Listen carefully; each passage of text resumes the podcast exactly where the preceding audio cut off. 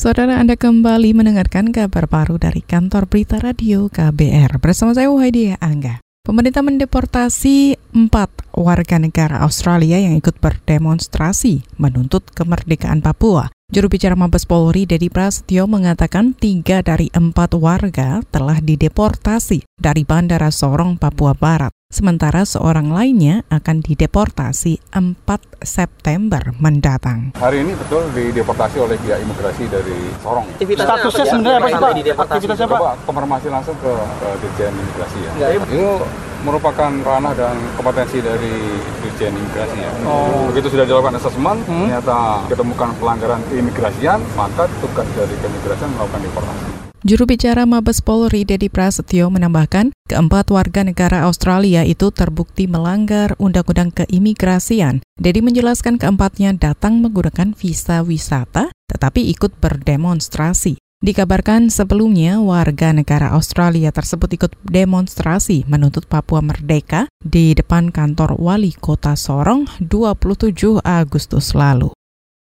Selanjutnya, tokoh masyarakat Papua mendesak Presiden Joko Widodo menarik pasukan di Papua. Tokoh Papua yang juga Ketua Sinode Gereja Kingmi Papua, Beni Giahi, menilai pemerintah bereaksi berlebihan dengan menambah aparat. Padahal kata Beni Giai, saat ini kondisi di Papua mulai kondusif. Hari ini juga tolong tarik pasukan dari tanah Papua, semua pasukan dari tanah Papua, dan kami minta Jokowi, Jokowi ada panggil kami mau ketemu ini kayak pimpinan. Saya bilang tidak usah, kau tarik tentara dulu, pasukan dulu, baru kami ketemu kau. Kami ketemu engkau, kami presiden, setelah engkau tarik pasukan dari operasi militer dari Duka. Duka itu saya punya warga jemaat ya Mbak. Ada sekitar 40 ribu warga jemaat ada mengungsi. Kami ini pusing cari uang ini. Ketua Sinode Gereja Kingmi Papua Beni Giai meminta Wakil Presiden Joko Yusuf Kala turun tangan memperjuangkan perdamaian sebagaimana yang pernah ia lakukan ketika mendamaikan Aceh. Sebelumnya, kepolisian dan TNI menurunkan 6.000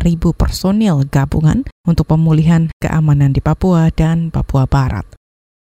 Kita ke berita lainnya. Presiden Joko Widodo meminta panitia seleksi atau pansel calon pimpinan atau capim KPK tak tergesa-gesa dalam menentukan 10 nama calon pimpinan KPK. Menurut Jokowi, pansel juga bisa mengoreksi daftar nama tersebut agar sesuai dengan keinginan publik. Jadi saya juga minta agar masukan-masukan baik dari masyarakat, dari tokoh-tokoh yang telah memberi masukan juga eh, bisa dijadikan catatan-catatan dalam rangka mengkoreksi apa yang telah dikerjakan oleh pansel. Dan kita harapkan saya kira kita kan juga tidak harus tergesa-gesa. Yang paling penting menurut saya apa yang akan nanti saya sampaikan ke DPR itu betul-betul nama-nama yang memang layak untuk dipilih. Jokowi menilai masukan dan kritik publik tersebut sangat wajar di tengah era keterbukaan seperti saat ini. Sementara itu Pansel telah mengumumkan nama tersebut di antaranya Alexander Marwata, Firly Bahuri,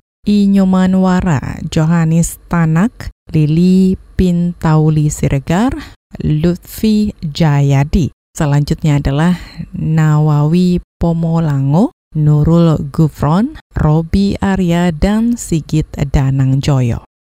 Kita beralih ke berita selanjutnya. Badan Penanggulangan Bencana Daerah atau BPBD Provinsi Kepulauan Bangka Belitung menyatakan satelit NOAA mendeteksi 130-an titik panas. BPBD memprediksi kemunculan titik panas terus meningkat hingga puncak musim kemarau November 2019. Kepala BPBD Kepulauan Babel, Mikron Antariksa, menjelaskan sebaran titik panas terbanyak berada di Kabupaten Bangka yang mencapai 50 titik. Menurut dia, titik panas yang terdeteksi selama Agustus tahun ini mengalami peningkatan yang signifikan dibandingkan Juli sebanyak 22 titik dan Juni sebanyak 3 titik panas.